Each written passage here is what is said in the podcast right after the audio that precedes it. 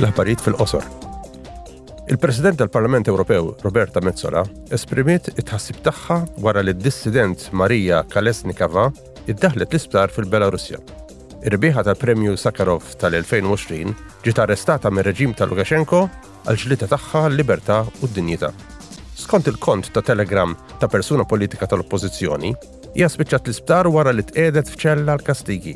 Fi tweet, Metsola kitbet li Kalesnikava hija simbolu tal-ġlieda għal Belarussja Demokratika. Il-bieraħ il-Kumitat Speċjali dwar l-Intħil Barrani fil-Proċessi Demokratiċi kollha fl-Unjoni Ewropea kellu laqa interparlamentari dwar ir-reżiljenza leġislattiva, il-liġijiet elettorali u l-kampanji ta' manipolazzjoni tal-informazzjoni. Il-membri tal-Parlament Ewropew kellhom skambju ta' femiet mal-parlamenti nazzjonali dwar kif jinbnew demokraziji reżiljenti u dwar reazzjonijiet possibbli għal azzjonijiet ta' ndħil barrani. Il-biraħ ukoll il-Kumitat għal Libertajiet Ċivili, il-Ġustizzja u l-Intern iddiskuta rakkomandazzjoni tal-Kummissjoni lill-Istati Membri dwar passi immedjati fil-kuntest tal-invażjoni Russa fl-Ukrajna.